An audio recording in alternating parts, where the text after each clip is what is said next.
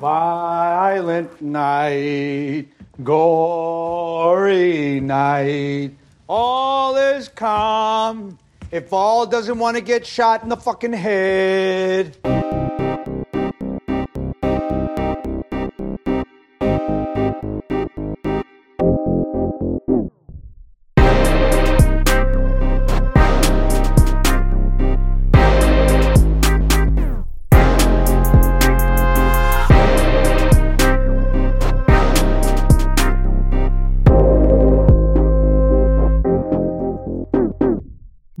Velkommen til 26. episode af I Kassen Talks. Mit navn er David Bjerre, og det her det er showet, hvor vi laver ting, som ikke er deciderede filmanmeldelser. Yes, vi er tilbage igen efter en lille pause, som jeg nævnte i forrige i Kassen Talks, som var 2. november, så vidt jeg husker. Så, øhm, så vil der gå en lille pause her, fordi ja, der der var ikke så meget tid til at lave show, og, øhm, og så vil jeg også vente på, at øh, der var en stor grund til at lave næste i kassen talk show, og en, eller en stor nok grund til at lave det, og, og det er der jo så i form af, at Oscar shortlisterne netop er kommet, og, og øhm, ja, det skyder jo simpelthen Oscar året i gang for alvor, så, så øh, det var en god lejlighed til at mødes, og øh, at, at vi lige kigger på dem og, og snakker lidt øh, om dem. Og ellers har vi lidt seriehalløj i den her øh, episode af Kassen Talks, lidt andre små ting. Det bliver ikke et kæmpe show, tror jeg. Øh, det har jeg lovet før, og så blev det alligevel, men jeg, jeg tror ikke, der bliver så, det bliver så kæmpe stort den her gang.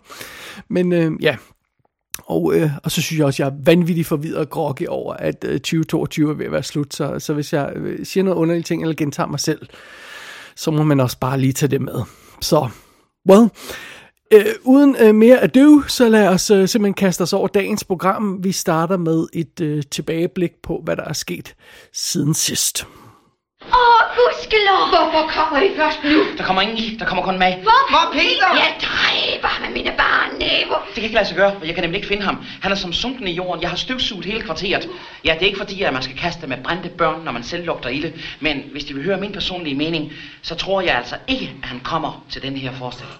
Sidste gang vi snakkede i Kassen Talks, der var det jo blandt andet i forbindelse med May West øh, wrap-up showet, og i, efter det show øh, gik i luften, så, så var jeg jo, at jeg startede den her liste, øh, eller den her øh, serie over øh, pre-code film altså øh, film for perioden sådan cirka 1930 til 1934. Og den, den lille første sæson af, det, af de pre-code anmeldelser, den er jo så også færdig nu.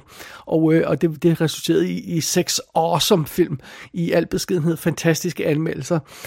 Og, øh, og så jeg synes bare lige, jeg vil, jeg vil minde om, at de nu alle sammen er online. Og, og jeg ved godt, det er gamle film, og jeg ved godt, man måske ikke har hørt om nogen af dem, hvis man ikke sådan umiddelbart interesserer sig for, og, øh, for de her pre-code film for den periode der i, i starten af 30'erne. Men tag og lyt til mig alligevel, for ligesom jeg også sagde med i forbindelse med Mae West-filmene, så i indbygget i historierne om de her film fra, øh, fra pre-code-perioden, der er der en masse sådan interessant filmstof og, og filmhistoriestof og sådan noget, så det, det er super fedt. De seks film, der er kommet online her i, i første, quote-unquote, første sæson af pre-code-serien, det er det er jo Babyface, The Story of Temple Drake, Night Nurse, Smarty, Red Dust og Saving Hell.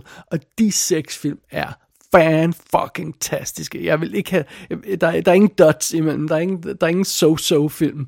Øh, de, de, er alle sammen fantastiske, og, øh, fordi jeg har simpelthen, jeg har set dem først, før jeg satte mig ned og så dem igen for at anmelde dem. Øh, og, øh, og det er sådan, jeg har gjort det på mange af de her pre-co-film, for at finde de bedste. Der har været en masse, der sådan var okay, som jeg sad og set løbende i løbet af året, men jeg fandt de bedste, og det er så dem, der er blevet til sæson 1, og jeg allerede, har allerede set en masse super fede øh, pre-code film, der, der kommer til at indgå i sæson 2 næste år. Så, øhm, så det, de er allerede legnet op, og det, når, jeg, når jeg får tid til det, når vi kommer over det her Oscar noget, så tror jeg, jeg går i gang med Pre-Codes øh, serie, Season 2-serien, og, og det skal der nok også komme noget cool ud af. Så, men det var bare lige en lille reklames, uh, shameless self-promotion, som man siger, for, for, for de her Pre-Code film, der altså ligger i feedet og, og hygger sig, og ja, den skal man endelig tjekke ud. Derudover, så er det jo jul, og det betyder julefilm. Come back here, you little sons of bitches! Hey, you! I remember you! Hey, hey, hey, where are you going? Come here. What are you doing? What are you doing? Let me go, dickhead! Watch your mouth. You working at a juvenile hall for a Butterfingers? Is that it? Look around, man. All the cops are into something. It's Christmas. You could steal City Hall.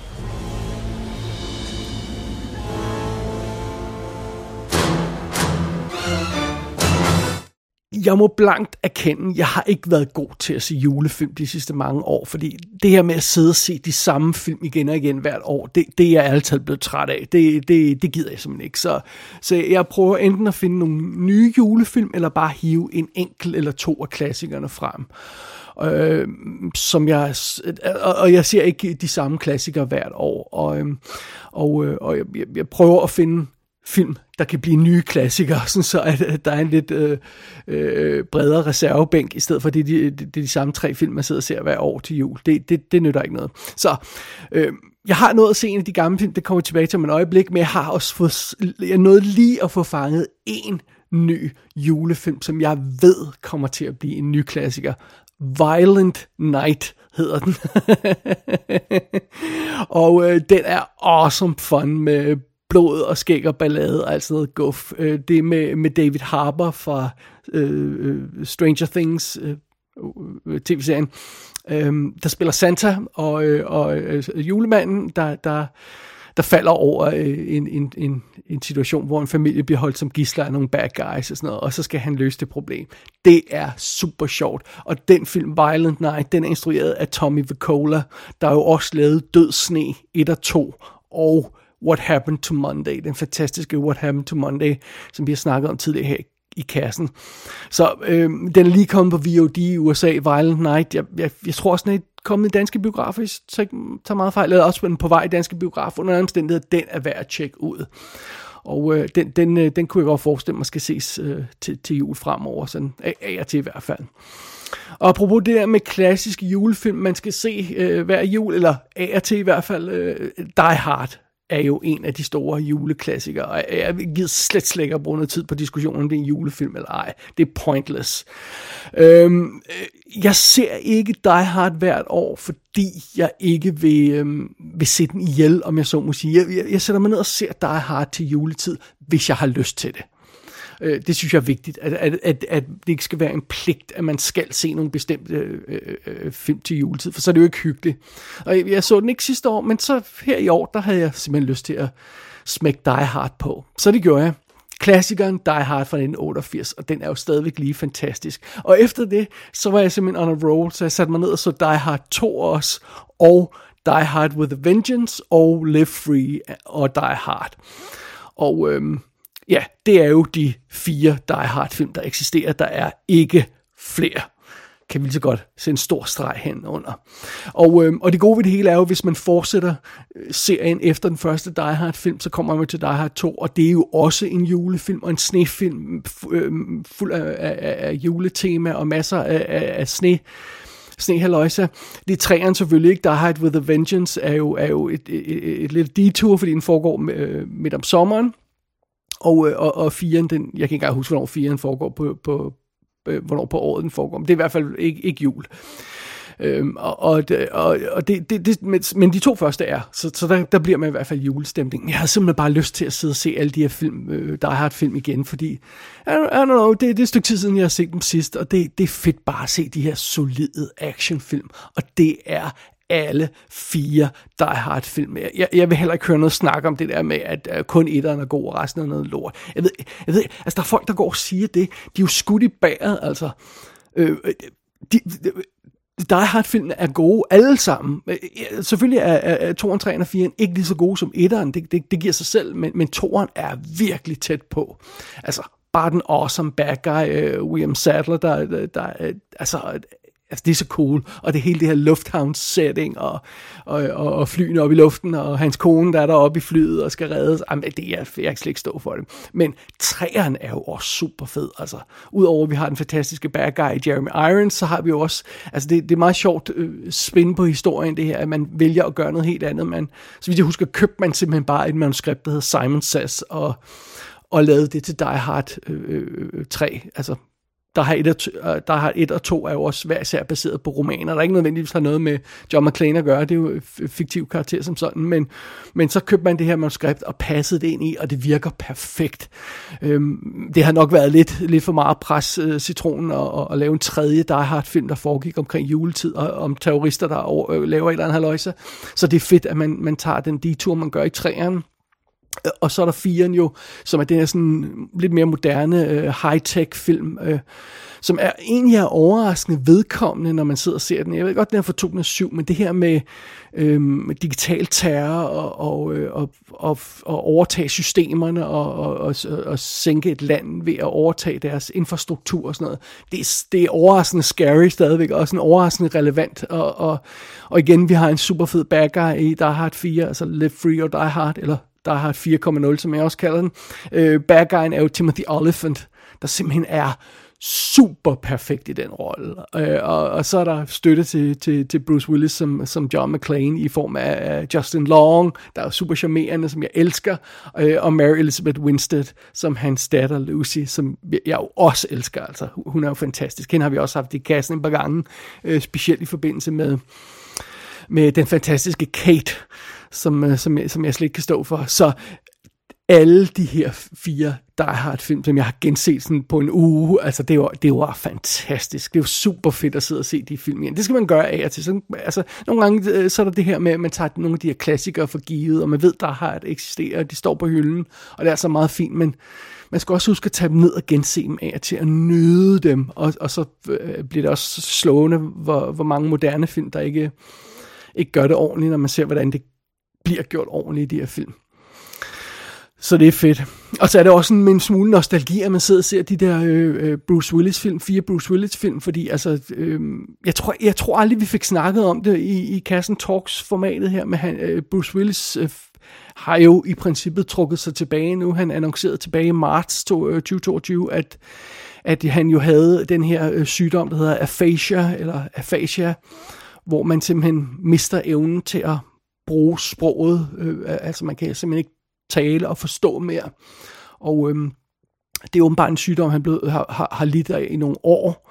Og øh, vi har jo været ret hårde ved ham i forbindelse med alle de her øh, direct-to-video-film, Bruce Willis har lavet, hvor han dukker op en dag på sættet, og, og så får en million dollars for det, og så smækker man ham på plakaten, og så er han nærmest ikke til stede i filmen. Og jeg kan ikke huske, hvor meget vi har snakket om det løbende. Jeg tror, vi har nævnt det løbende. Jeg tror også, jeg har nævnt det med sygdommen før. Men, men, men øh, jeg fandt den artikel frem igen fra øh, Los Angeles Times, som blev offentliggjort dengang, hvor de havde snak, de snakket med alle de her folk, der har arbejdet sammen med Bruce Willis på alle de her shitty direct-to-video film.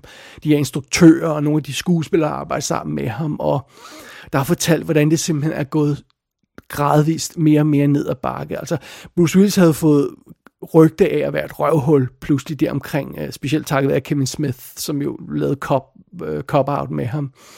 Øhm, og så var det, han begyndte der i 2011 at lave de her skøde direct-to-video film, som man tænkte, hvad fanden laver han der? Og så holdt han nærmest helt op med at lave store film, og lavede nærmest kun de der direct-to-video film, hvor han kun dukkede op en en dag, og man sidder der og tænker, hvad fanden foregår der? Well, på et eller andet tidspunkt i den periode, og det er svært at vide, hvornår præcis, for der er ikke engang, der, der, der vil melde klart ud om det. På et eller andet tidspunkt, så gik det altså op for folk, han ikke kunne arbejde mere end en eller en halv dag ad gangen. Bruce Willis, og han kunne ikke huske replikker mere, og han kunne ikke altså, nogle af de her historier, der er i den artikel, jeg skal nok linke til den i, i, i shownoterne, det er altså heartbreaking. Det her med, at han, han ikke ved, hvem han er, og hvor han er, og de må sådan guide ham rundt, og de må sige replikkerne i en øresnegl til ham. Øh, og, og, og når han får at vide, at han skal sige den her replik, så skal han skyde med sin pistol, og så skyder han bare med pistolen, og, og får ikke replikken med. Altså, og så står de her skuespillere og venter på, at replikken bliver sagt, og så får de et chok, fordi Bruce Willis står og så skyder ved siden af dem. Det er selvfølgelig blanks, men alligevel man får et chok. Nogle af de historier, der er i den artikel fra Los Angeles Times, man, det er ikke, det er ikke kønt. Og, øhm, og de film, selvom det er et, et altså, det er et år siden næsten, at han annoncerede, at han havde den her sygdom, han trak sig tilbage. Øhm, altså, det var i marts, den her øh, annoncering kom, tror jeg. Til marts i øh, i 2023, der kommer der jo stadigvæk film, som han har nået at skyde i den her periode, øh, øh før det, som, som de her shitty direct-to-video-film. Altså, der kommer en ny trilogi af, af film, øh, øh, øh, som han har været med i, og, og det er ikke kønt. Det er ikke kønt. Det er en dum måde at slutte en karriere på, en dum legacy at efterlade sig. Øh, men, øh, men og, og, og når man sidder og ser de her Die Hard film, for meget sjovt, fordi der var sådan nogle momenter i Die Hard 4, hvor jeg sidder og tænkte, det er sådan lidt sjovt, han er sådan lidt smule out of it nogle gange, men det kan godt være, det er bare mig, der overanalyserer nogle gange, hvor netop fordi man har set de tre, der, øh, de fire Die Hard film så tæt på hinanden, som jeg har gjort der, så, så, så bemærkede jeg, at at der var noget anderledes over ham nogle gange i firen. Det kan jo så også bare være, fordi den anden film var en anden instruktør. Det behøver ikke at betyde noget. Det, det kan godt være, at det slet ikke øh, har, har noget at sige, men jeg sad bare og bemærkede det, og, og, og jeg bemærkede i hvert fald også, at den charmerende Bruce Willis, som man ser i de her Die Hard film, han, han, han, er, altså, han er altså væk nu. Så ej, det er sørgeligt. Men øhm, heldigvis har vi jo stadig de gode film, han har lavet, så, så det er det. Oh well, det synes jeg bare lige, have med. Jeg kan ikke huske, hvor meget vi har snakket om det igen. Jeg er sådan lidt smule groggy også. Øh, øh, det er fair nok. Øh, det, Bruce Willis, han ved ikke, hvor øh, han er, og jeg ved ikke, hvad jeg har sagt tidligere i, i kassen, så det går nok alt sammen. Alright, lad os kaste os videre i programmet. Lad os kaste os over den øh, hovedgrunden til, at vi er samlet her igen. Det er jo simpelthen, at Oscar shortlisterne er blevet offentliggjort her øh, i går i optagende stund. Så øh, dem kaster vi os over nu. I feel like we've gotten off on the wrong foot. And because of that, you think I'm the bad guy. And nothing could be further from the truth. I'm the good guy here. I told them this could happen if they didn't prepare. Did I get a thank you? No, I got crucified. But they wouldn't listen. You got their attention now, don't you? That's right.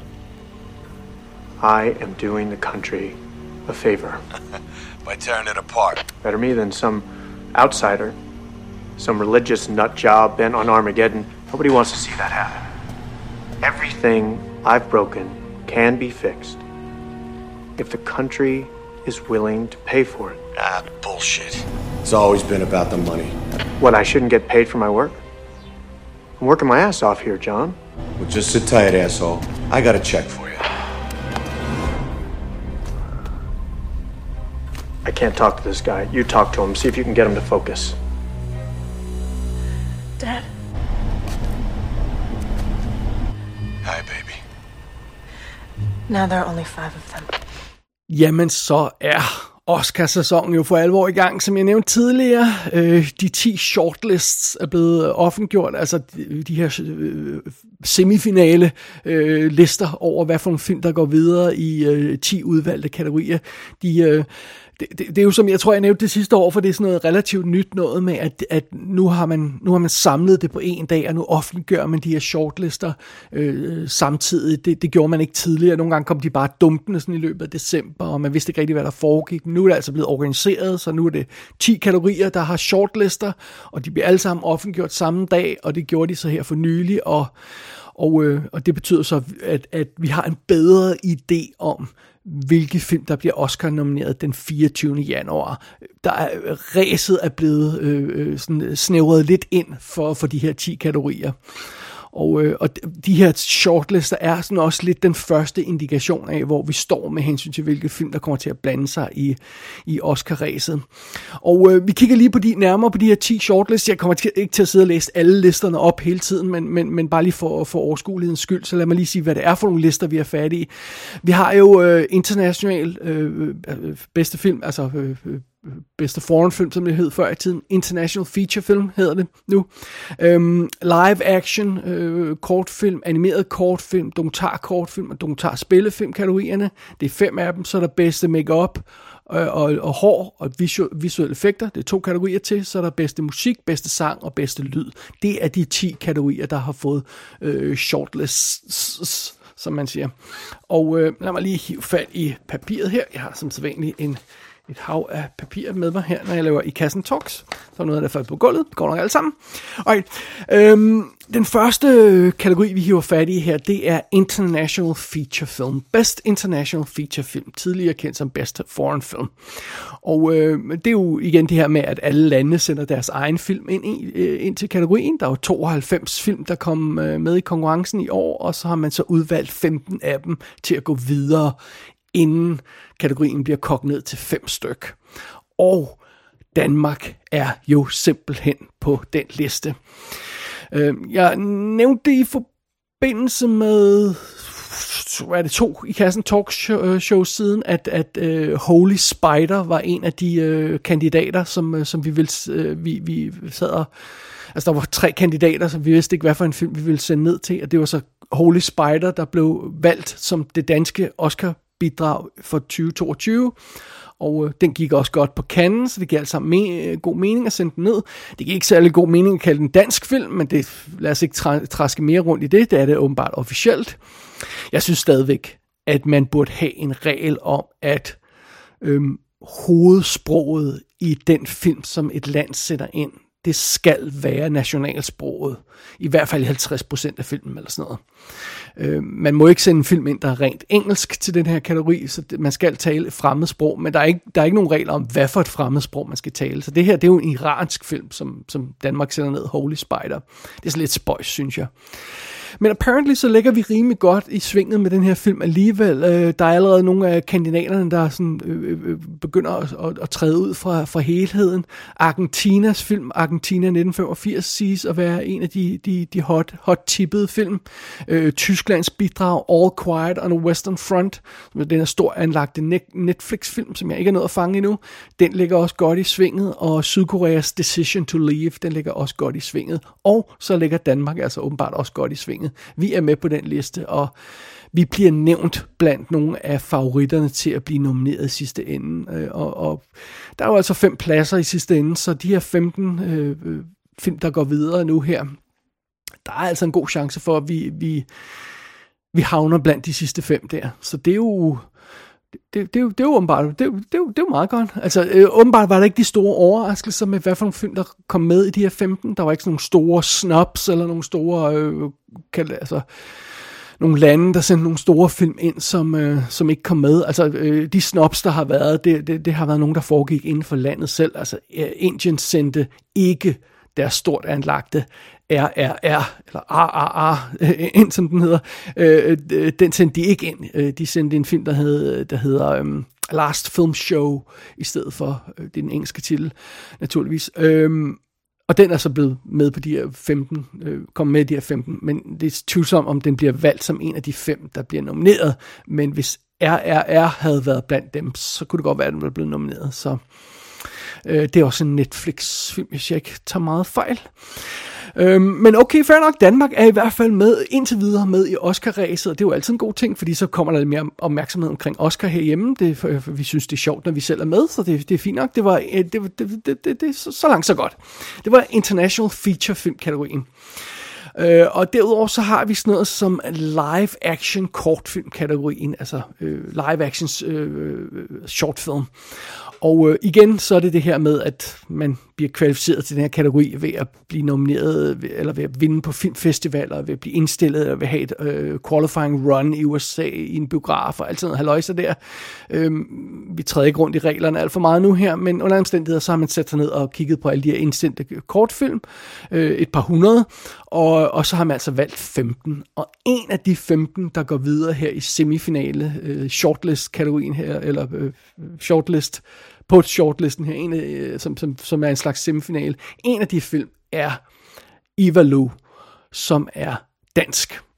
Øh, den er instrueret af Anders øh, Walter, der jo har vundet kategorien før, og den er fotograferet af danske øh, Rasmus Heise, som, øh, som jeg, jeg har arbejdet sammen med i tidens morgen på min lille film Gabels ord. Det er meget sjovt.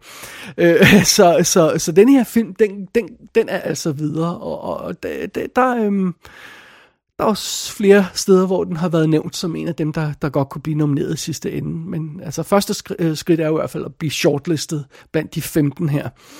Og, øh, og det, det tegner meget godt. Øh, jeg nåede lige at tjekke op på hovedparten af de her film. Jeg synes ikke, der var nogen andre af dem, der virkede som om, de havde dansk bidrag. Men der er et par af dem, jeg simpelthen ikke kunne finde noget om endnu, fordi når de udgiver de her shortlist øh, den her shortlist øh, pressemeddelelse af akademiet, så står der bare filmens titel. Der står ikke noget om instruktøren, der står ikke noget om produceren, sådan noget. det kommer først senere, når de bliver nomineret. Så det nogle gange, kan nogle gange være lidt svært at finde ud af, hvad det er for en film, der man har med at gøre. Men jeg, jeg, jeg tror, jeg var dykket ned i listen på de her 15 og fandt ud af, at der ikke var andre sådan danske film, øh, øh, som vi ikke bare ikke har hørt om. Øh, det, det har der været nogle gange, hvor det var sådan noget, det er en titel, man ikke lige umiddelbart kunne gennemskue af dansk. Det kan man heller ikke med øh, Eva Lou. Men, øhm, øh, men det tror jeg, altså, jeg tror altså ikke, der var nogen overraskelse på det plan. Så, øh, og øh, apropos Snobs, øh, film, der ikke kom med, jamen vi ved jo ikke, hvad for en kortfilm, der rigtig er i ka- konkurrence, så det giver ikke mening at snakke om det så forfærdeligt meget, bortset fra, at alle de artikler, der er kommet ud om, øh, om, om de her shortlist pointeret, at der var to film, der manglede. Og det har alle åbenbart bemærket. Det er den øh, kortfilm, der hedder All Too Well, som Taylor Swift har instrueret, og We Cry Together, som Kendrick Lamar har instrueret. Og, og øh, som en af de her Oscar pundits også øh, pointerede, øh, var det Steve Pond, det kan jeg ikke huske, under omstændigheder, det her med, at, at akademiet vil måske ikke rigtig åbne døren for noget, som de synes er lidt en mus, øh, øh, musikvideo. Så de vil være sikre på, at det er rigtige kortfilm, der kommer ind i konkurrencen, og ikke sådan noget med øh, glorificeret musikvideo. Det ved jeg ikke, om de her to er, men det er bare sådan øh, den vibe der. Vi skal ikke have Taylor Swift nomineret for en, for, for, for, en, for, for en film. Det skal vi ikke, så... Det kan også godt være, at den bare ikke er god, men under omstændigheder, hun er i hvert fald ikke kommet videre med konkurrence. Så, så ingen, øh, ingen, ingen øh, øh, Taylor Swift, til, i hvert fald ikke i den her forbindelse, til, til, til Oscar-showet. så det, det er meget sjovt. Derudover så er der øh, naturligvis animeret kortfilm kategorien, der har fået en, en shortlist. Jeg har bare lige kigget ned hurtigt ned over den. Jeg synes ikke, der var noget, der sprang i øjnene, sprang i øjnene som noget, jeg, jeg, jeg, øh, jeg kender. Så, så jeg skal ikke gøre mig klog på, om der er en eller anden Netflix eller Pixar-film blandt de der 15. Gider ikke gå i detaljer med det.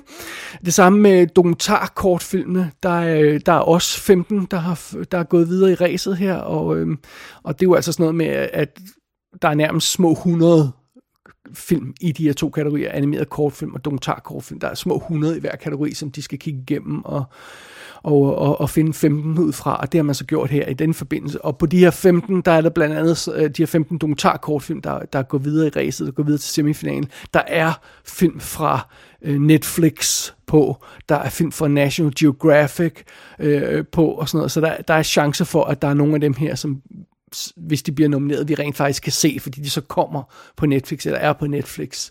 Og det er jo meget fedt. Øhm, det har jo været en fordel ved, at Netflix er begyndt at blande sig i, i kortfilm dokumentar konkurrencen. Det er jo så øh, også, hvis det er live action kortfilm for den sags skyld, altså det her med, at de så er på Netflix, så vi rent faktisk har en freaking chance for at se dem andet end to dage før øh, Oscarshowet, når de pludselig bliver lagt ud på iTunes eller sådan noget åndssvagt noget. Så, så det har været super cool. Så, så, men, men igen, der er ikke så meget at sige om den, fordi vi ved ikke så meget om den endnu, så, så det går nok alt sammen. Alright, og øh, sidste kategori i det her batch af fem, fem som jeg lige indleder med, der, øh, det er dokumentar spillefilm. Der er igen 15, der går videre, og øh, der er øh, øh, lidt flere snobs i den her forbindelse. Good Night Oppie, som jeg tror er på Apple TV, og Mars Roveren, den kom ikke med. Det var en af dem, der var hot tippet til at vinde, men den blev engang nomineret, den blev engang i semifinalen, den blev engang shortlistet. Øh, en anden film, der også snakker om, den hedder Riotsville USA, som, som, som jeg har jeg faldet over flere gange, som handler om det her med, at øh, i var det 60'erne og 70'erne, at, at man byggede falske byer i, øh, i USA og fyldte dem med, med, øh, med politifolk, der spillede hippier, og så var der andre politi folk, der blev trænet i at banke hippier, fordi at øh, man skulle være klar til at banke hippierne, hvis de gjorde oprør i de rigtige byer. Shit you not. jeg tror rent faktisk, det er en dokumentar, jeg ender med at se alligevel, for det lyder fucked up. Øh, en anden dokumentar, der så heller ikke kom med på den her liste over 15, det er den, der hedder Senior, som handler om Robert Downey Jr.'s far, som også er en Netflix-film. Den kommer ikke med.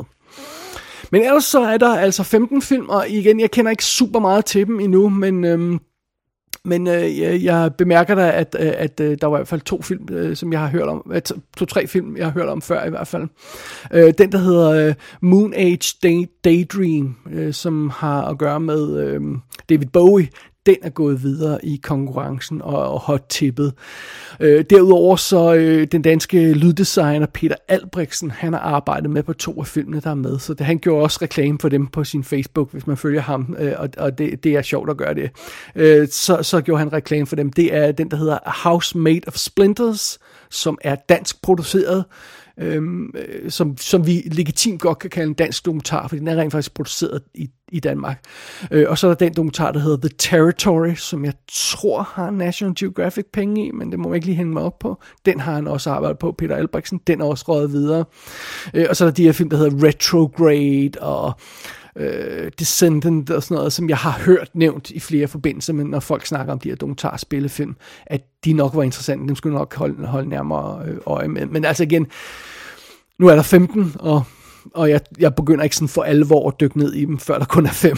det kan jeg altid godt sige på forhånd, for det andet er for uoverskueligt.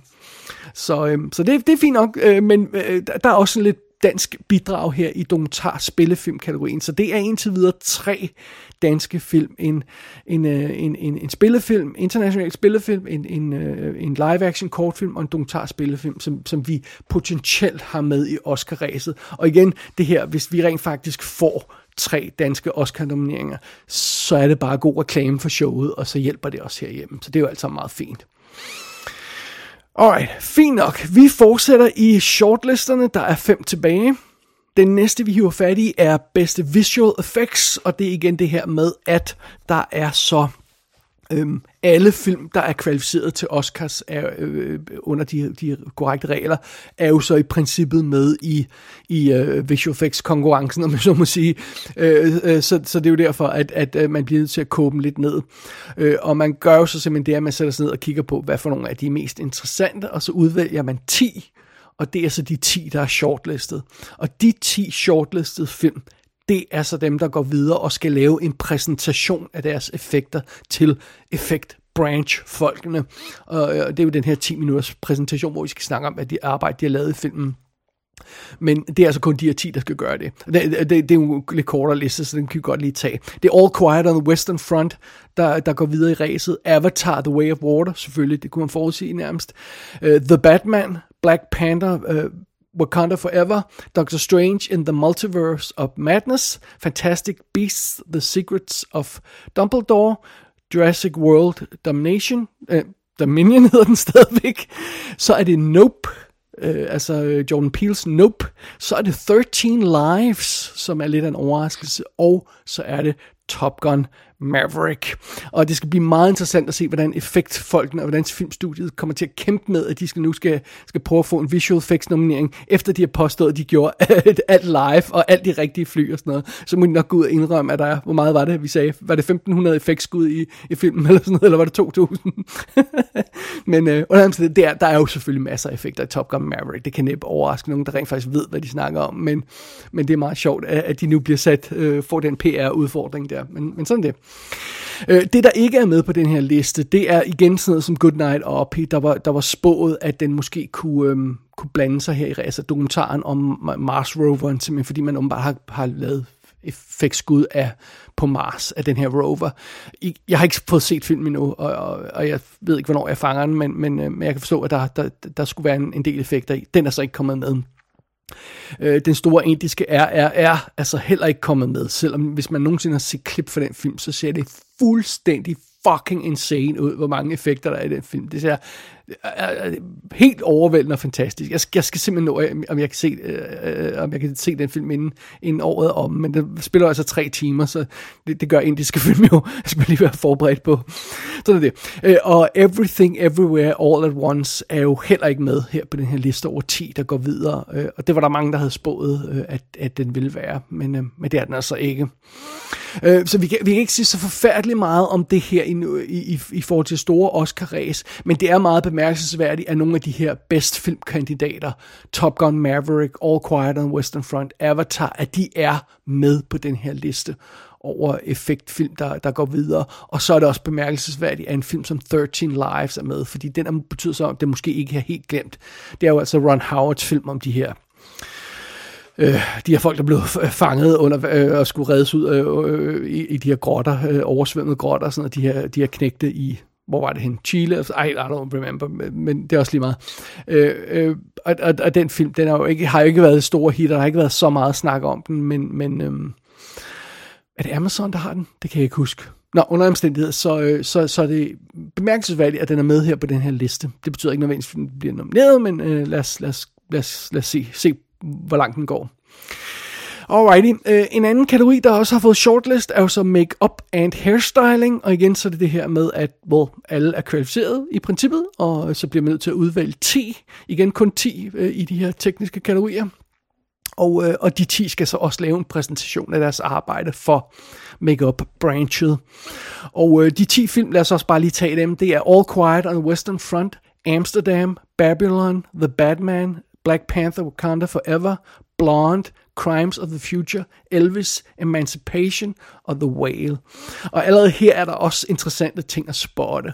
For eksempel det her med, at når man Amsterdam, som som jo er nærmest gået direkte på, på, på streaming efter en uge i amerikanske biografer, om blevet trådende fiasko, der kommer til at tage, øh, miste filmselskabet 100 millioner dollars eller sådan noget. Det, øh, øh, altså, øh, det, det kommer vi sikkert til at snakke om mere senere, så lad os ikke gå mere i detaljer om det lige nu. Den er i hvert fald med Amsterdam, og Babylon, som jo, som jo altså også, vi venter på at se, hvad skæbne den får, den her tre timers ekstravaganza film om, om hele Hollywood-halløjsaget, den... Øh, det bliver meget spændende at, øh, spændende at se, om, om den får lov til at blande sig i de store kategorier. Den er også med her. Blonde er med. Så den er altså ikke glemt, selvom det er Netflix-film, og selvom den er lidt tid siden den kom. Øh, altså Marilyn Monroe-filmen, som vi har anmeldt her i kassen. Og så er der jo altså Crimes of the Future. David Cronenbergs øh, body horror film, den er, jo, den er jo simpelthen med her, og jeg, jeg læste et sted, at det er øhm, den eneste Oscar, nogen øhm, David Cronenberg film nogensinde har, er blevet, øh, har, har vundet, er for The Fly. Øh, I 6, altså 86 filmen The Fly. Og, øhm, og, og det er jo øh, det er så den eneste, hans film har vundet, men det har vist været nomineret andre gange, også hans film, øh, David Cronenbergs. Men det er jo meget sjovt, at det så også er i samme kategori, make-up-kategorien her. Så, I don't know måske vi får lidt uh, David Cronenberg-film uh, med på, på listen over nomineret i år, Oscar nomineret i år, så skal jeg jo se den. Det, uh, ellers, ellers bliver der ikke plads til den før, uh, før senere på, i 2023. Men hvis den bliver Oscar nomineret, så skal jeg se, om jeg kan nå at fange den. Meget interessant. Og så dukker Emancipation jo altså også op på make-up-listen her. Det er jo Will Smiths forsøg på at komme tilbage til at være en filmstjerne efter hans fucked up opførsel ved forrige Oscar-show. Så øhm, han, han bliver jo ikke inviteret, og han får næppe nogen nominering, men at, at filmen får lov til at blande sig i sådan below the line kategori som, som, som make-up og, og sådan noget, det, det er trods alt værd lige at notere sig i hvert fald indtil videre, men igen, lad, det bliver, det bliver det kan godt være, at det bliver den eneste nominering, men lad os se, se på det, når, når de andre, øh, de, de, de fulde liste af nomineringer bliver offentliggjort. Det, det bliver interessant. Alright. Og sidst men ikke mindst, så har vi altså de her øh, øh, øh audio kategorierne, om jeg så må sige, de tre audio-kategorier. Først er det Music Original Score, øh, hvor der igen er 15 nomineret, og øh, jeg vil ikke øh, læse dem alle sammen op, det er sådan lidt mere The Usual Suspects. Øh, Avatar er, er, er med, øh, Black Panther er med, øh, The Fablemans, John Williams score til The Fablemans er med. Det bliver hans 53. 20. nominering, hvis han bliver nomineret. Øh, Glass Onion er med, den nye... Øh, øh, øh, Uh, Knives Out film, som jo kommer på Netflix snart, og Guillermo del Toro's Pinocchio, øh, uh, stop motion animeret film, og, og uh, Nope, Jordan Peele's Nope er også på listen her over de her uh, soundtracks, der går videre. Det, der ikke er på listen, er Sam Mendes film Empire of Light, der har musik af Trent Reznor og Atticus Ross som mange havde troet ville, ville gå videre, og, og sådan en film, der hedder Tar, øh, med, med, med musik af Hildur Gunnarsdottir, eller hvordan man nu siger det, den er altså diskvalificeret, fordi den indeholder musik fra, fra øh, andre kilder, øh, ikke original musik. Men øh, ja, men øh, altså det, bare det her med, at der er nogle af de her øh, film, som vi er en lille smule tvivl om, der dukker op her, det, det er jo meget interessant. Øh, øh Babylon er også at finde på, på listen her over de her scores, der går videre. Øh, Devotion, som er den her 2. verdenskrigs flyverfilm, som, øh, som jo også kommer til at tabe selskabet 100 millioner dollars. Noget stil, den er også på her. Og øh, ja, igen, ikke så meget at sige nu, men, men bare lige værd at notere sig, at de her ting øh, bevæger sig videre i konkurrencen. Derudover så er der selvfølgelig også bedste sang-kategorien. Der er også annonceret 15 sange, der går videre i, øh, i ræset. Og øh, det er sådan noget som den forfærdelige øh, øh, Avatars sang, øh, end credit sang, tror jeg den er, øh, øh, You Give Me Strength. Altså, Åh, det er så sad. Øh, en, der er en sang med fra Amsterdam, igen, den får lov til at blande sig her. Der er sa- åbenbart sangen med fra, øh, fra RRR, som jo altså den store indiske film, de, som jo går ud fra delvis musical, det er alle de store indiske film jo. Øhm, den, den, øh, den skal jeg nok få set snart. Og øh, der er altså også en credit sangen fra, fra Top Gun Maverick, selvom den ikke er vanvittigt imponerende og, og mindeværdig. Og så er øh, Diana Warrens sang øh, Applause fra filmen Tell It Like a Woman, eller også er det omvendt. Øh, er, er, øh, nej, det er filmen, der hedder Tell It Like a Woman. jeg har aldrig nogensinde hørt om den. Men fidusen er, det her det er Diana Warrens 14. nominering, uden at vinde en konkurrence Oscar. Det er sådan lidt... Øh, på et eller andet tidspunkt, så skal hun bare have en lige meget om sangen er god eller ej. Men øh, det, får vi, det får vi se, øh, når vi kommer så langt. Og, og der er også en sang med fra, fra Black Panther, uh, Wakanda, Wakanda Forever, så det bliver meget sjovt at se, hvor meget den kommer til at blande sig i toppen også af, af de her kategorier. Men det, der ikke er med på listen over sange, der går videre, det er Billie Eilish's sang til Turning Red, Nobody Likes You, og uh, Nobody Like You, sorry. og um, så er det jo, Doja Cats sang, der hedder Vegas, som var med i Elvis-filmen. De har altså skrevet en original sang til Elvis-filmen i forsøg på at blive Oscar-nomineret. Men der var bare for meget ikke-original musik med i den sang, til at den kunne blive nomineret, så den er blevet diskvalificeret, hvad jeg kunne forstå på det hele. Uh, men, uh, men sådan er det. Alrighty, og sidste kategori, det er endnu en af de tekniske kategorier, men det er stadig en af audio-kategorierne, det er bedste lyd, hvor vi jo altså kun nu om dage har én kategori, og, og det er også en af de tekniske, så det vil sige, at der er 10 nomineret her. Og de nomineret i, for bedste, eller de, de shortlistede for bedste lyd er så All Quiet on the Western Front, den er stærkt med i de her kategorier, tekniske kategorier.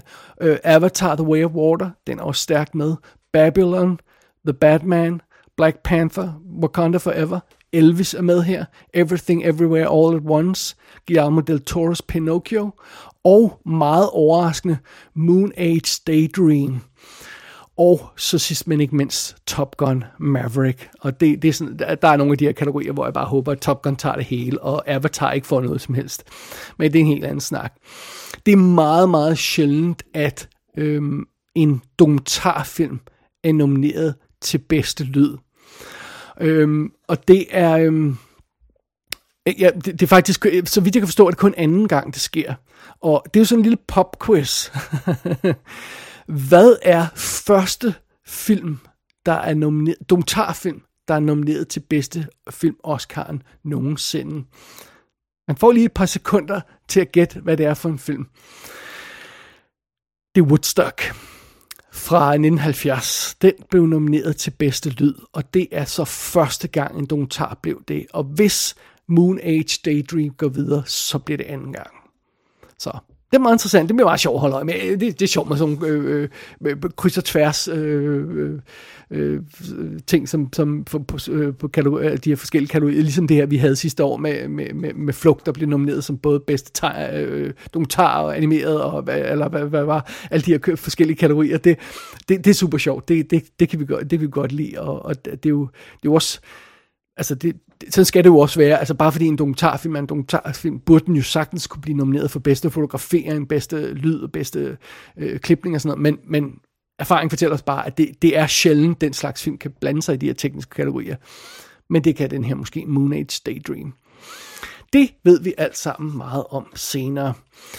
Og øh, det betyder så, at vi er igennem shortlisterne, og, øh, og så betyder det, at vi har sådan lidt bedre idé om, hvad for nogle film, øh, der, der, der kunne blande sig i Oscar-ræset, men, men der er også lige et par andre faktorer, vi kan tage med i, i, øh, i det overordnede billede. Og, så lad os lige tage et hurtigt break, og så tager, tager vi fat i nogle af de andre datapunkter, vi har indtil videre.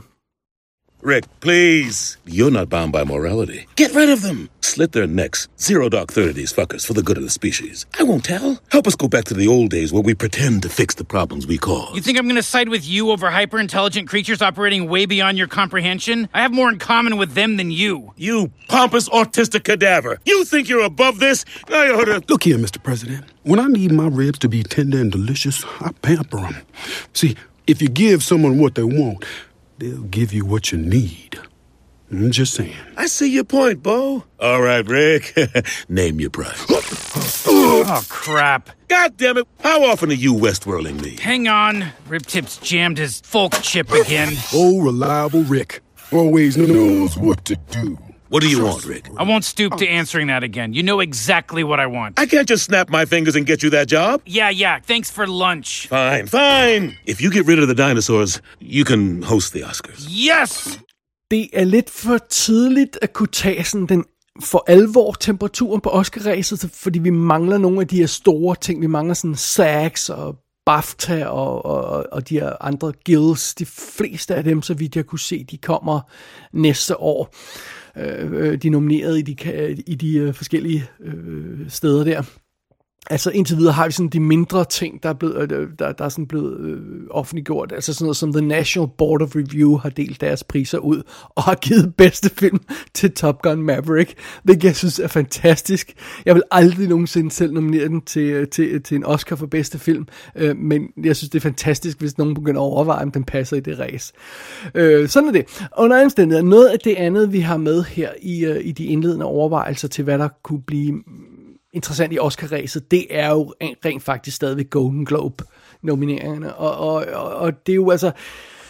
De blev jo cancelled sidste år og lavede det her underligt med at annoncere deres nomineringer øh, øh, fra en banegård et eller andet sted i, øh, altså, eller hvordan det var, de gjorde det. Det, det, det, det var ikke kønt. Det var sådan en underlig lille mellemting. Men nu, nu forsøger Golden Globes rent faktisk at komme tilbage i awards season igen. Så det vil sige, at de holder et rigtigt show, og de har offentliggjort rigtige nomineringer.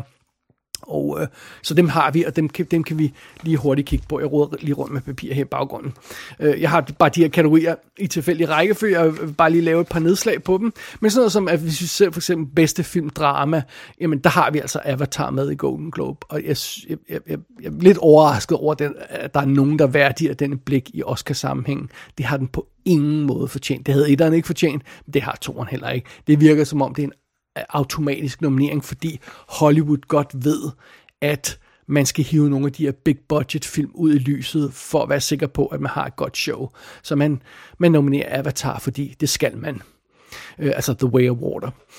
Øh, men derudover har øh, Golden Globe altså også nomineret Top Gun i den her kategori, og det er jo rent faktisk en film, der har fortjent, fortjent at blive, at blive rost, øh, og, og, øh, men igen det her med, at den skulle være i ræset til, Oscar-ræset til bedste film, det, det ville stadig chokere mig, øh, øh, hvis den gjorde det, men det ville, det være vidunderligt. Øh, men den er med på Golden Globe her, så den er med i, øh, i, i, i, i snakken indtil videre, det er jo altså meget fedt, og ellers så har de nomineret sådan en film her i den her kategori, som, som Elvis, The Fablemans og Tar. Og øh, sådan er det. Fint nok. Det, øh, det, vi vender tilbage til nogle af de film om et øjeblik. Øh, derudover, hvis vi kigger bare sådan et blik ned over øh, kategorierne her, så har, øh, bemærker jeg sådan noget som, at i, i bedste, øh, bedste skuespiller inde i et drama, bedste hovedrolle i et drama, der har vi altså Anna de Armas med fra Blonde. Hun hun, hun for, har fået Golden Globe-nomineringen. Det betyder jo ikke, at hun stadigvæk er, er bliver husket til Oscar. Øh, jeg, jeg er blevet tvivl om hun, om, om, fordi jeg synes, der var meget mindre snak om Blonde, end, end, end jeg egentlig ville tro, og, og, og der var mere had til den, end jeg egentlig ville tro. Jeg var heller ikke vild med den, men, men, men det kræver altså en vis form for kærlighed til en sådan præstation og sådan en film, hvis den, hun skal bæres videre til en Oscar-nominering. Det, det er øh, ikke så klokkeklart mere, som jeg synes, det var tidligere, i hvert fald før jeg så filmen. Men sådan er det. Øh, andre nedslag, hvis jeg kigger videre, der, så har jeg sådan noget som bedste, bedste mandlige hovedrolle i drama. Der har vi Jeremy Pope for The Inspection. hvor mange ved, hvad The Inspection er. det, det er godt nok en film, der er gået øh, lavt på radaren. Men, øh, men øh, det, øh, det er sådan noget med luftforsvaret og en, en sort gut, der vil være... Er han gay eller sådan noget? Jeg kan ikke huske det. Men under det, det skal, det skal vi nok øh, kaste os mere over, hvis han bliver Oscar-nomineret. Men, øh, men, men det er sjovt, når, altså normalt, når, når Golden Globes, øh, øh, øh historisk set, når Golden Globes har hævet nogle mærkelige film frem, så har det været sådan noget, øh, øh, ligesom øh, at nominere Johnny Depp for The Tourist, eller hvad fanden det var, øh, fordi man gerne vil have, at Johnny Depp dukker op til selve øh, awardshowet. Så, men det er ikke den type nominering, det her for The Inspection. Det er simpelthen en, en decideret, en, en legitim nominering øh, for en film, der bare ikke er særlig mange, der har hørt om, som bliver hævet ud i, i lyset af Golden Globe. Og det, hvis de kan gøre det med film, altså hjælpe til at kaste lys på film, der er ved at blive overset, så, det jo, så, så har Golden Globes jo stadigvæk en god plads i uh, awards season. Uh, så, så måske prøver de at være mere seriøse nu her og, og tage det hele mere alvorligt. Det, det kunne man håbe på. Hvis vi kigger videre ned over listen, så har vi sådan noget som øh, bedste film, øh, musical og comedy. Der har vi altså også Babylon med, som øh, blandt de fem nominerede. Vi har øh, øh, Everything Everywhere All at Once, som bliver tippet til at være en af de hotte kandidater, som jeg, øh, jeg kunne ikke komme igennem den første gang, jeg prøvede at se den. Så det kan være, at jeg bliver tvunget til at kæmpe mig igennem den senere. Og, men, øh, men det er meget sjovt, og, og, og Glass Onion er igen også med her, A Knives Out Mystery.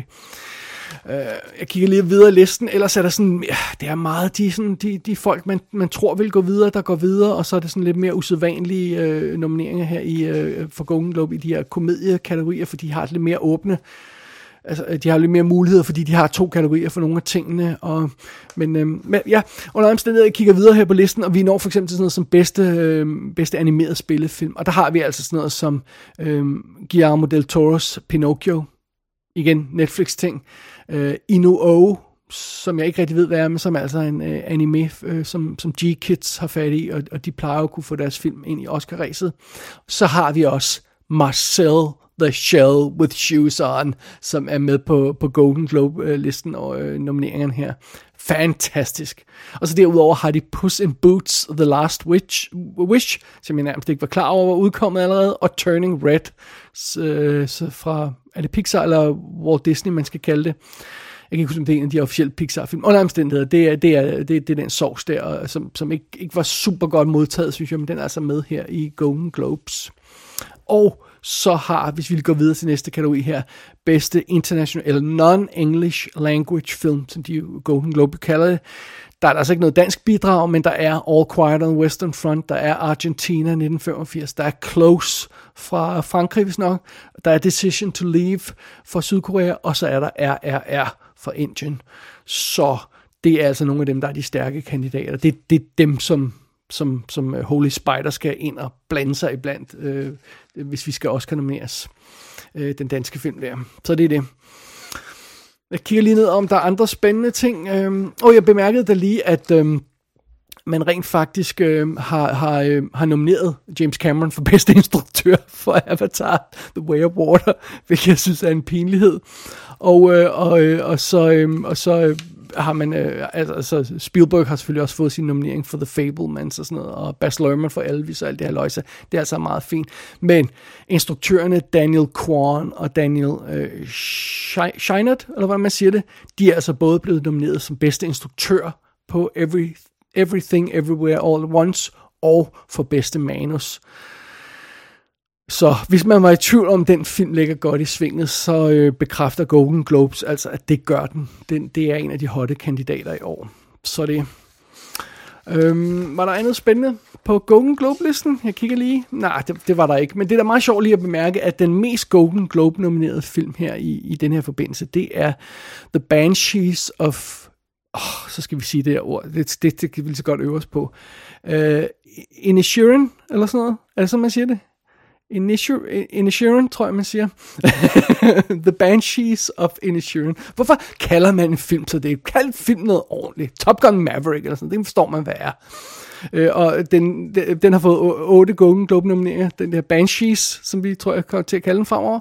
Øh, og Everything Everywhere All at Once, apropos øh, skødtitler, den har altså fået seks nomineringer. Det er de to mest Golden Globe nominerede film i den her omgang. Så det er jo meget imponerende. Alright, det er ikke det eneste datapunkt, vi har at hive fat i. Vi har også et andet. Der er nemlig kommet nomineringer fra Critics' Choice, og øh, de, øh, de er jo altså... Øh, Altså, sidste år, der kiggede vi lidt mere på dem, fordi at, at Golden Globes ligesom var, var mærkelige og, og, og ikke havde så meget relevans. Men, men når man sidder og kigger ned over Critics' Choice Awards nomineringerne, så synes jeg også, de, de, de, de virker som om, de viber bedre med Oscar i, i forhold til, hvad Oscar kunne finde på. Øhm, så det er jo meget interessant at, at, at, at se, hvad, øh, hvad de har fundet på. Altså, de har for eksempel også som bedste film, der har de Avatar, de har Babylon, de har Banshees, de har Elvis, Everything Everywhere, The Fablemans, Glass Onion, RRR har de på, og Tar og Top Gun Maverick og, og Women Talking.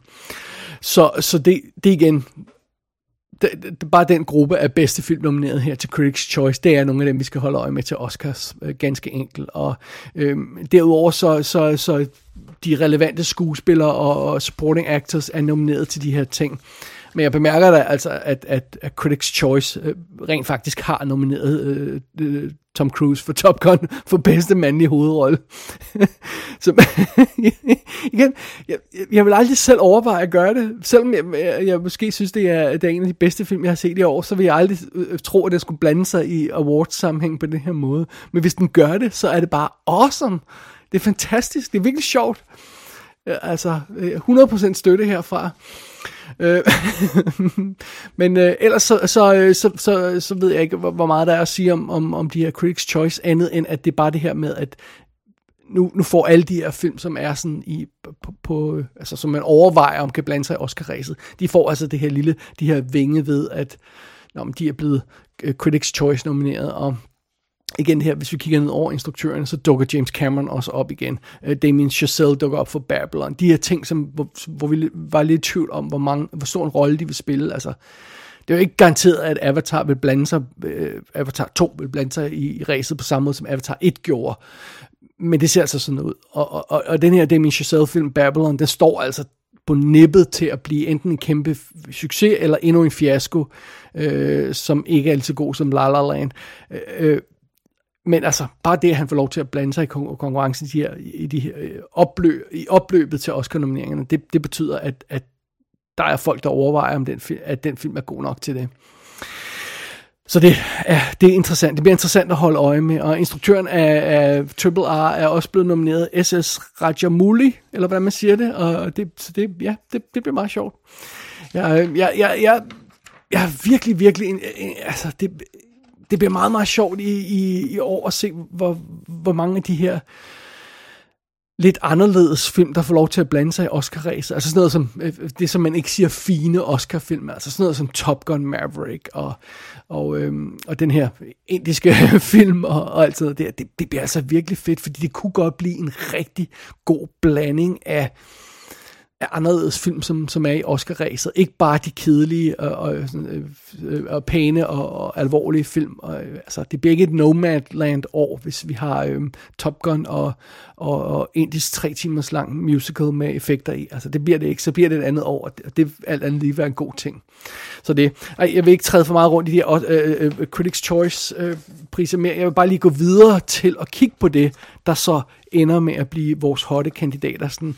Og, og det er jo så baseret på Golden Globes, på shortlisterne, på Critics' Choice, på det, som folk snakker om.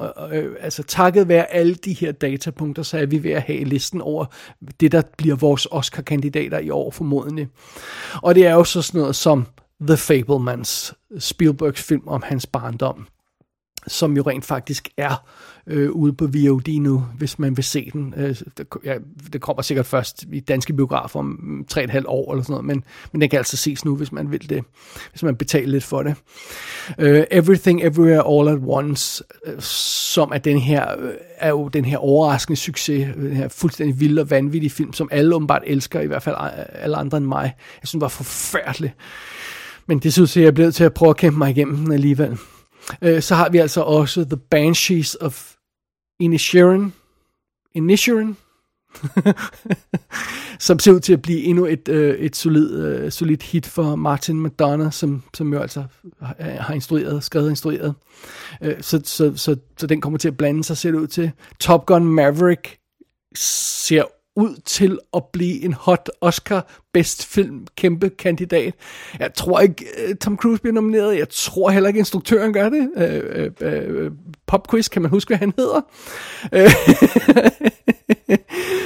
øh, men under omstændigheder, øh, hvis den bare får lov til at blande sig lidt i toppen, Top Gun Maverick, så bliver det cool. Og det, det ser ud som om, det godt kunne ske.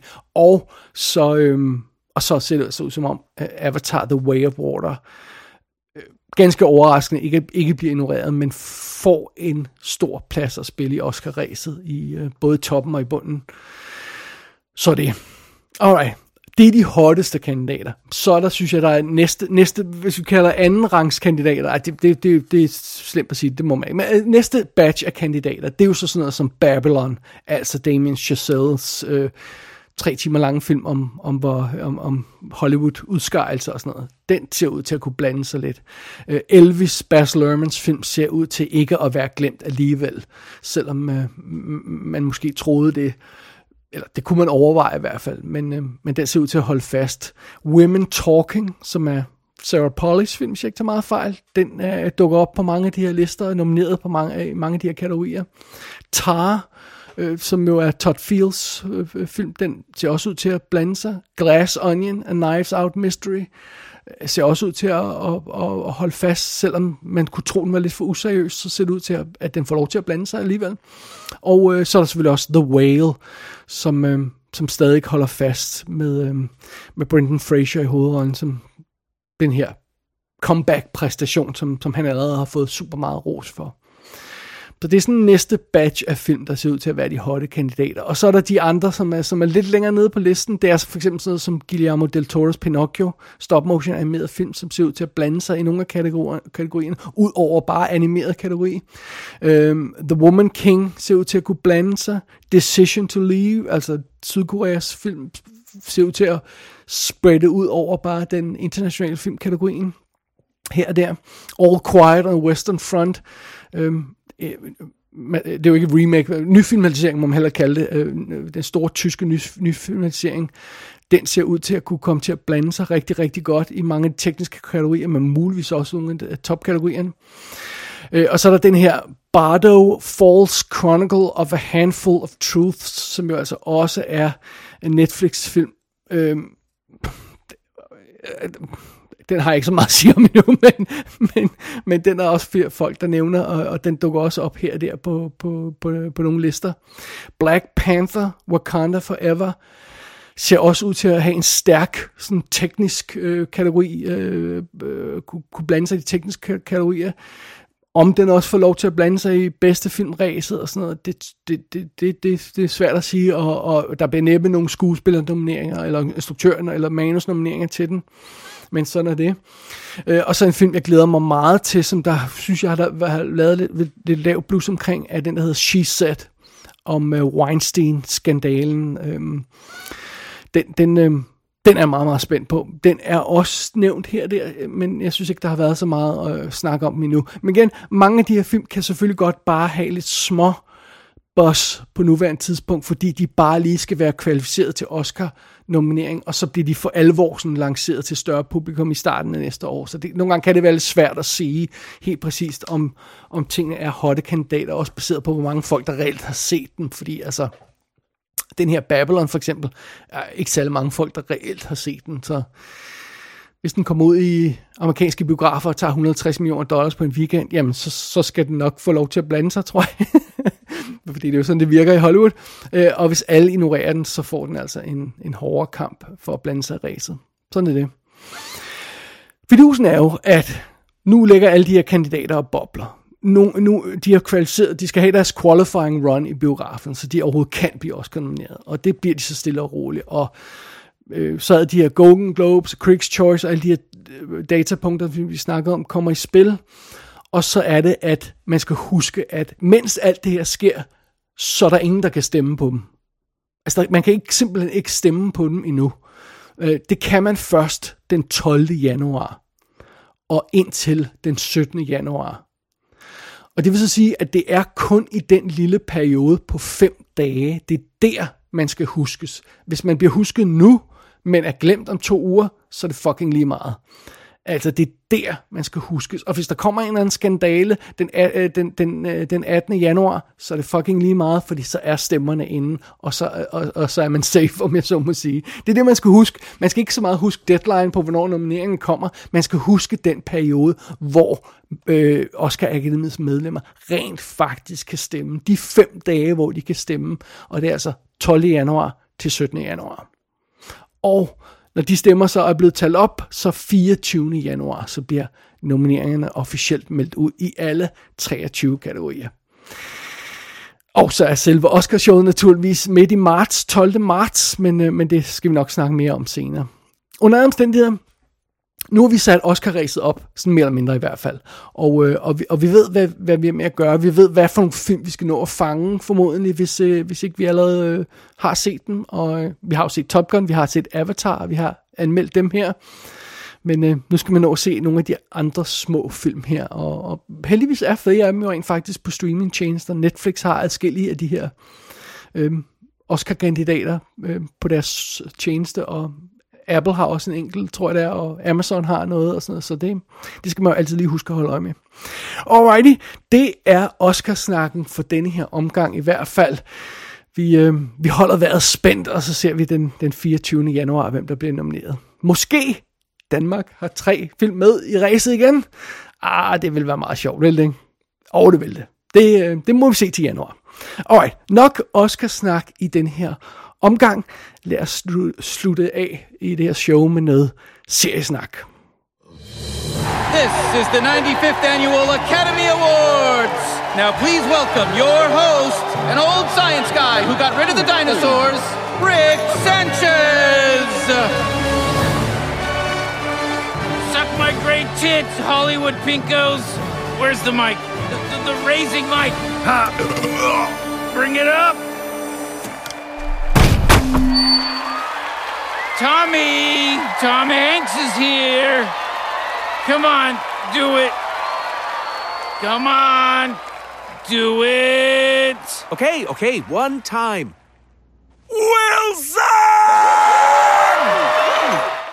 Alrighty, tid til lige at kigge på nogle af de tv-serier, jeg har fat i øh, her i den seneste tid mellem de sidste her øh, forrige Kassen Talkshow og det her show. Øh, lad mig lige have fat i nogle af dem, jeg har snakket om før. Altså Lord of the Rings, The Rings of Power er jo rent faktisk sendt færdig. Første sæson er sendt færdig, otte episoder, og de er allerede gået i gang med at lave anden sæson. Og, øh, og det skal nok blive interessant at se. Øh, de her første otte episoder, øh, jeg havde jeg set halvdelen, da jeg snakkede om den sidste, tror jeg. Jeg var meget positiv over for øh, øh, Lord of Rings, The Rings of Power, da jeg havde set de første par episoder.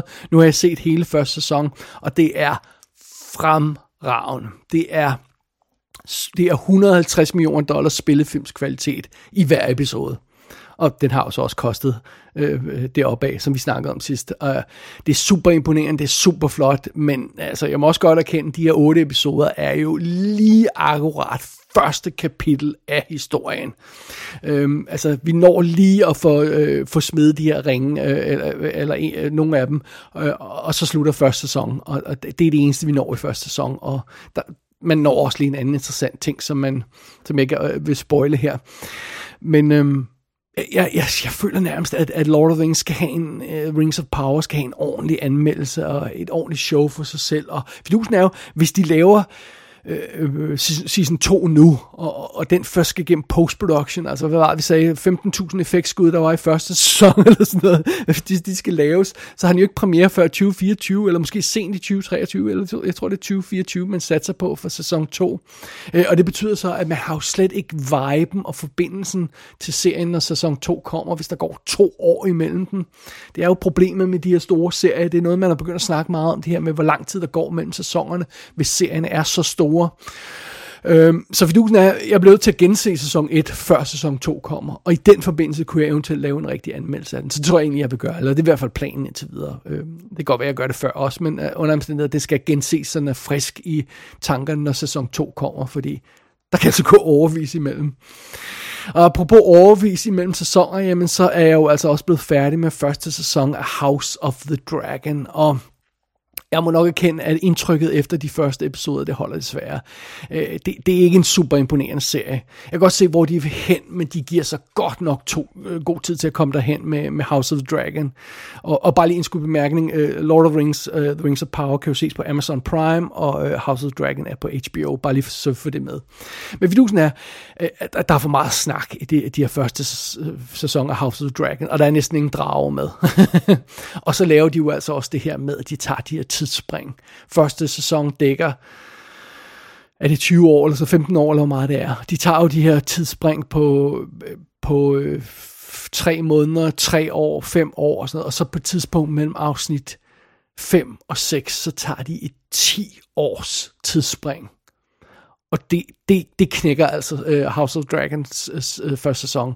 Luften går fuldstændig ud af ballonen.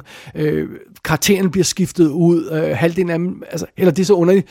Nogle af karaktererne bliver skiftet ud med nye skuespillere. Andre skuespillere for, har fået, blevet, øh, fået make på, så de ser lidt ældre ud.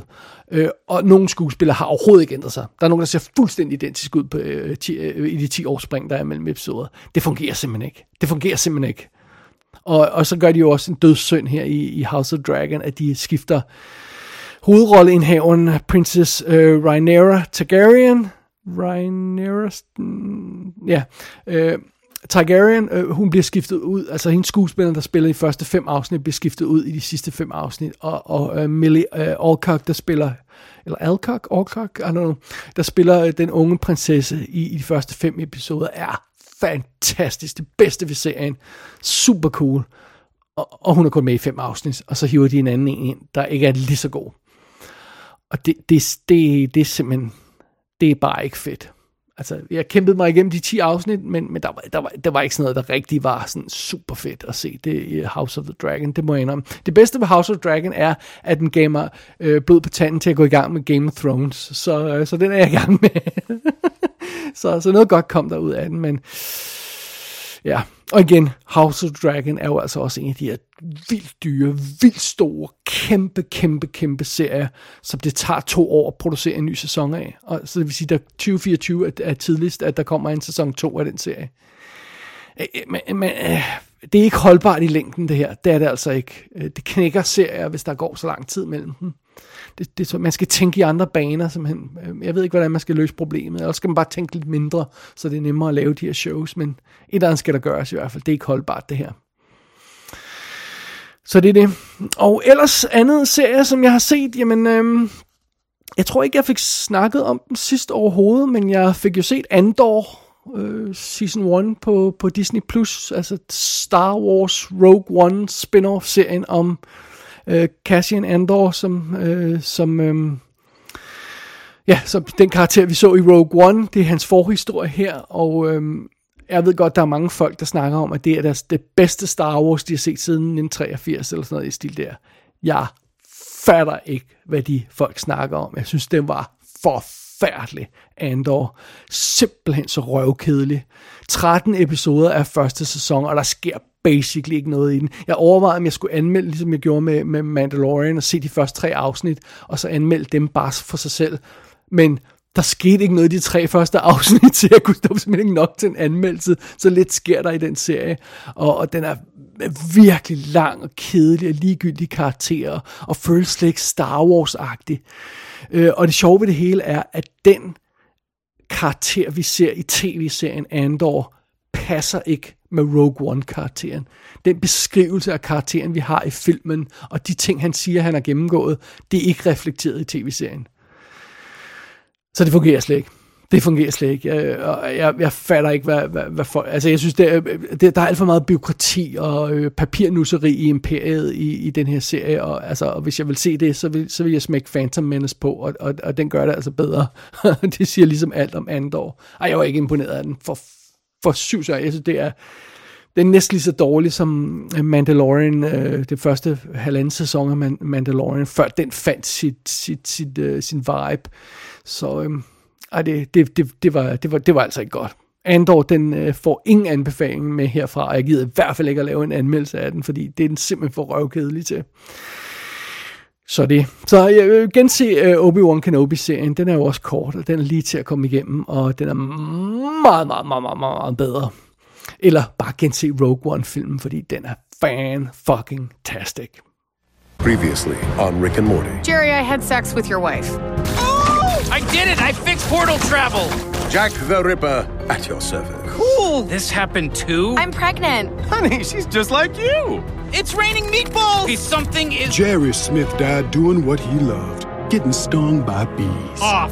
Off what? Have some respect. It's Dad's funeral. I'm gonna name you Jerry Jr. Thanks for solving that murder, guys. Here's a skateboard. Aw, thanks, Tony Hawk. Morty, say you'll marry me. What? What? Just say yes! Yes? Okay. Rick, do you promise I do, and for our honeymoon, let's go to a sealed chamber lined with ionized deuterium. Why? Because the charge acts as a narrative decelerant. Morty, none of this is real. We're in a previously on spiral. Clear your head. After all that's happened? No. I, I'm innocent! I didn't release those bees! I love Jerry! What did I just say? When? Okay, great execution. Let's go back to the chamber. Now repeat after me, Morty. Next time on Rick and Morty. Next time on Rick and Morty? No, previously on Rick and Morty. Ignore it, Morty. Next time on Rick and Morty, it counteracts his toxins. Next time on Rick and Morty. Whose toxins? Hey, stop it! Previous Leon, grab him!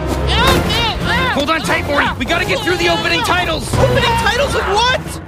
Vi fortsætter seriesnakken lige et øjeblik her, fordi vi har fat i Rick and Morty. Sæson 6 er netop blevet færdig på HBO, og øhm, det er en fremragende sæson, sæson 6. Den, øh, den her serie, Rick and Morty, har sådan tøffet lidt derud af. Altså, den lavede enormt meget splash. Efter de første var det to eller tre sæsoner, var der masse snak om den, og, og så var det, at den blev fornyet for syv sæsoner af 10 episoder, og det, det er vi så mm, øh, halvvejs igennem, eller øh, næsten. Øh, og, og, så, og den har bare kørt derud af og været fremragende lige siden, og den er stadig lige åndssvag og lige sjov og sådan noget. Hvis man ikke ved, hvad Rick and Morty er, så skal man bare høre nogle, nogle af de lydklip, der er i den episode, eller også skal man bare gå ind og se den. Det er en fremragende, underholdende serie, og den er fantastisk. Men sæson 6 af Rick and Morty har også, udover at være fantastisk, har den, hvad der, jeg tror, er seriens hidtil bedste episode. Jeg har allerede set den tre gange. Det er episode 7 i 6. sæson. Den hedder Full, øh, met, Full Meta Jack Rick. Deres titel er svært at sige. Altså ikke Full Metal Jacket, men Full Meta, Meta Jack Rick.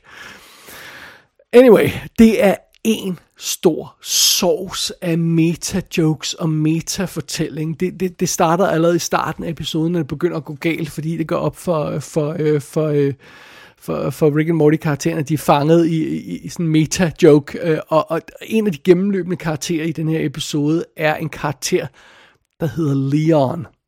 Han hedder, hans fulde navn er Previous Leon. Altså previously on.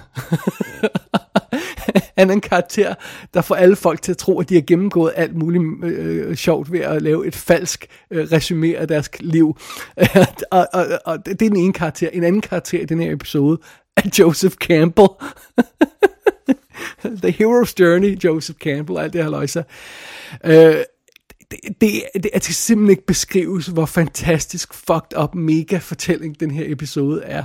Og, og, og, og der, bliver, der bliver langet ud til alle, der bliver stukket til alle mulige folk, og kritikere, der synes, at, at, at, at serien ikke er lige så god, som den var i første sæson, får, får adskillige spark bag i, og, og der er der er simpelthen så mange sparks til alle de her øh, øh, sædvanlige superhelte ting, som kan foregå i tv-serier, og der er så mange inside jokes på alle de her ting, der kan foregå i serier og sådan noget. Samtidig med at serien, øh, den her episode, så gør nogle af alle de ting, som, som serien påstår, den havde. Altså, det er bare fantastisk. Man skal bare se Rick and Morty, man skal se sæson 6, og så skal man bare øh, se øh, sæson, øh, episode 7 og sæson 6 en ekstra gang, fordi den er simpelthen... Det er den mest geniale episode, jeg længe har set af den serie der allerede er ret solid og fantastisk. Så det er stor anbefaling på Rick and Morty herfra. Øhm, og videre, sidste serie, som jeg har øh, onduleret her, eller undskyld, som jeg har gået i gang med her, må jeg hellere sige det på den måde, det er Willow tv-serien på Disney+. Plus. Og i optagende stund har jeg kun set fire afsnit, og jeg, jeg troede, der var seks afsnit, der er åbenbart otte afsnit, så jeg er halvvejs igennem. Og jeg må indrømme, jeg er ikke super imponeret over serien, som man måske har opdaget, så øhm, lavede jeg jo en anmeldelse af filmen Willow, som jeg, som jeg nåede at se, inden serien kom, og som jeg nåede at lave en solid anmeldelse af. Og, øh, og, og det er nærmest det bedste ved serien, det er, at jeg fik genset film og lavet en anmeldelse af den. Og så har jeg også filmen helt frisk. Og når jeg så sætter mig ned og ser den her tv-serie, Willow tv-serie, som så skal fortsætte eventyret, Willows eventyr, øh, mange år senere, så er jeg altså ikke super imponeret. Fordi det, for det første er den meget, er sådan meget bright og, og, og, og, og, og, og velbelyst og digital looking. Og en af de ting, jeg sagde i anmeldelsen af filmen, var, at den havde det her realistiske look, der føltes som om man var der, og ikke var det her digitale look. Well, serien har lige præcis det, som, som, som, som film ikke har, og som er fantastisk ved filmen. Øhm, og noget andet er, at de her karakterer, som, altså vi samler det her lille team af en prinsesse og en, øh, øh, øh, en, en, en, en køkken, en pige, der arbejder i køkkenet, og en, en, en prins og en, en, en hustler og sådan noget, og så skal de ud på et eventyr og redde en eller anden gut, øh, sammen med Willow, der jo, der jo så er sorcerer, berømt sorcerer nu. Øh, og alle de her karakterer opfører sig helt moderne og snakker moderne dialog, og det er lige ved, at de siger, åh, oh, hashtag blessed og sådan noget. Altså, det er virkelig, virkelig spøjst. Og hver, øh, når hver episode slutter, så kommer sådan en poppet end credit sang øh, på, som er sådan en cover af en eller anden moderne sang, for eksempel Guess Who's Back og, og sådan noget, at, øh, øh, altså Backstreet Boys, eller hvad fanden er, ikke? Øh, og, øh, øh, og, og det er bare sådan, what the hell are you doing? Det, det, det, det, er, jo, det er jo slet ikke, altså, det er jo slet ikke sådan, det er. Plus hele plottet i Willow TV-serien handler om, en, at de skal redde en gut, der var en asshat i første episode, og som vi ikke har, nærmest ikke har set siden øh, som jeg ikke kan huske, hvem er øh, nu. Øh, og så øh, Laura Dannon, som vi selvfølgelig fik reddet i Willow-filmen, hun er også med her. Men hun er sådan lidt randomly med i baggrunden. og sådan lidt, som om serien har tre karakterer, den ikke rigtig kan finde ud af, hvem der skal være hovedrollen i, og så er de ude på en quest for at redde en dude, vi er ligeglade med, som vi ikke kan lide. Øhm, og, og, og Willow har ikke nok plads, han er næsten nærmest ikke med i første episode, og, og han, øhm, han, er ikke, han, han, han, han styrer ikke serien. Der er alt for meget andet nonsens med i den her Willow tv-serie, øh, der ikke handler om Willow. Øhm, og, så, og så synes jeg altså også, altså, nu er vi nået til det punkt med, ja, ja vi har forstået, at vi skal være open-minded, og det er okay, at hvis nogle karakterer er gay. Men nu er vi altså nået til det punkt, hvor at hvis to karakterer ikke er gay, så er det overraskende. så er det nytænkende. Fordi vi skal nærmest have gay karakterer i alle serier, lige meget om det passer eller ej. Og det er altså også noget, den her uh, Willow-serie falder for. Uh, så de ved ikke rigtig, hvad vi skal bruge det til, men nu, vi må heller have nogle gay karakterer, så de her to må hellere være gay og være, være lidt tændt på hinanden, men vi der er ikke rigtig plads til det, så vi har det kun med i hver anden episode eller sådan noget. Ej, det, come on. Så, og plus så føles den her serie altså allerede øh, øh, fuld af fyld, om jeg så må sige. Altså øh, fire episode, øh, som er den seneste, jeg har set, den, den, det er sådan en standalone episode, der foregår på, på den her øh, Nokmar borg, som, som vi var i i filmen, og, og det er bare sådan en, en sådan den type episode, hvor alle karaktererne drejer 360 grader rundt om sig selv, og så er de tilbage, hvor de startede, og så kan de gå videre på jagten. Øh, måske burde man have lavet en, en, en en, en Willow 2-film, i stedet for en miniserie på 8 episoder, for det virker ikke rigtig som om, der er... Altså, så kunne man skære de ligegyldige karakterer væk, og så kunne man fokusere på Willow, og så kunne man få en ordentlig historie med en ordentlig quest. Det har man altså ikke rigtigt i den her Willow tv-serie. Ikke endnu i hvert fald. Det er ikke forfærdeligt, det er ikke sådan kedeligt, det er ikke super uh, offensive, det er bare sådan missing the mark en lille smule Willow tv-serien. Det må jeg, det må jeg godt nok indrømme.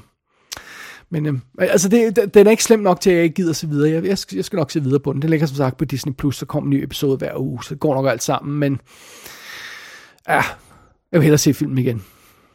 Alright, sådan er det.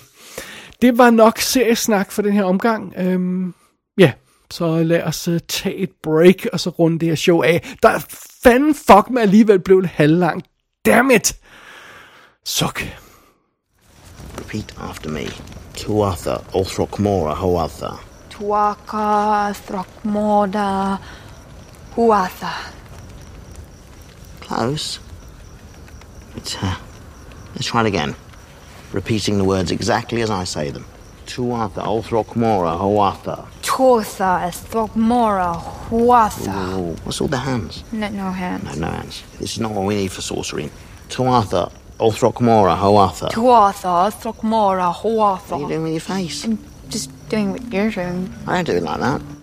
Alrighty, så er i kassen Talks nummer 26 ved at være slut. Filmåret 2022 er også ved at være slut, så nu er det tid til, vi har lige de her to uger tilbage af året, hvor man lige skal nå at presse de sidste kandidater ind.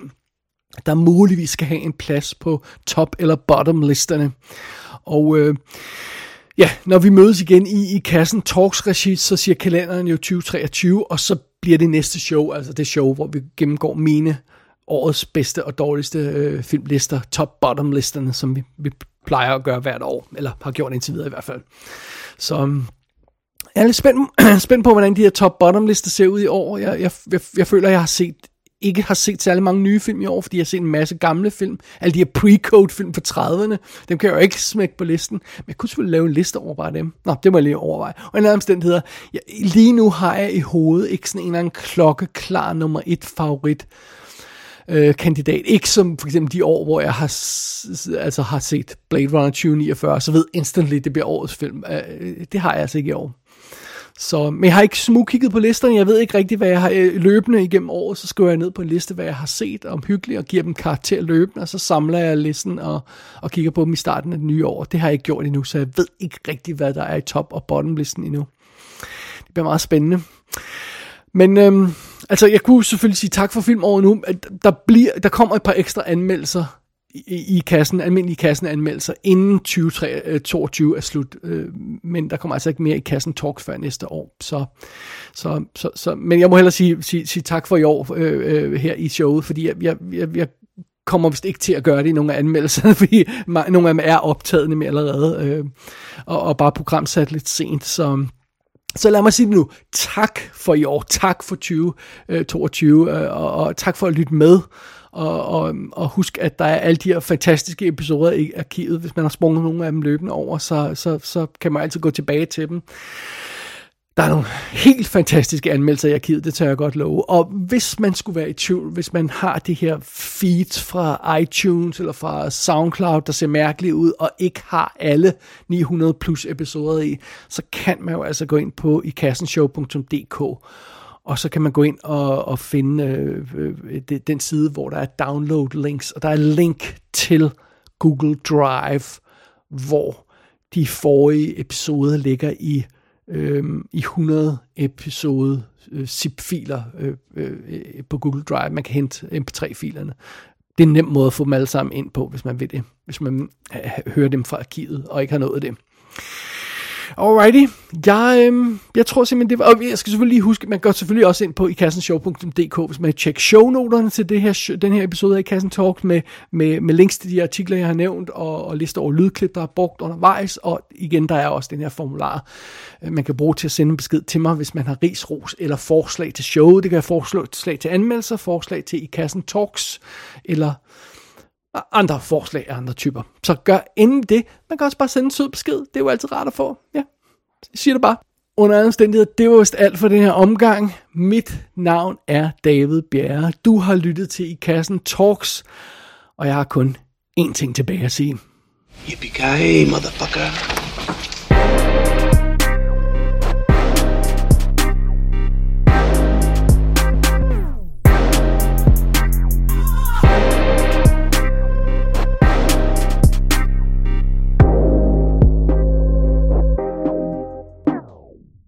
We'll make a night of it. I hope so, Mr. Trowbridge. Just you and I, pals. We'll have fun together, huh? Precisely, yes.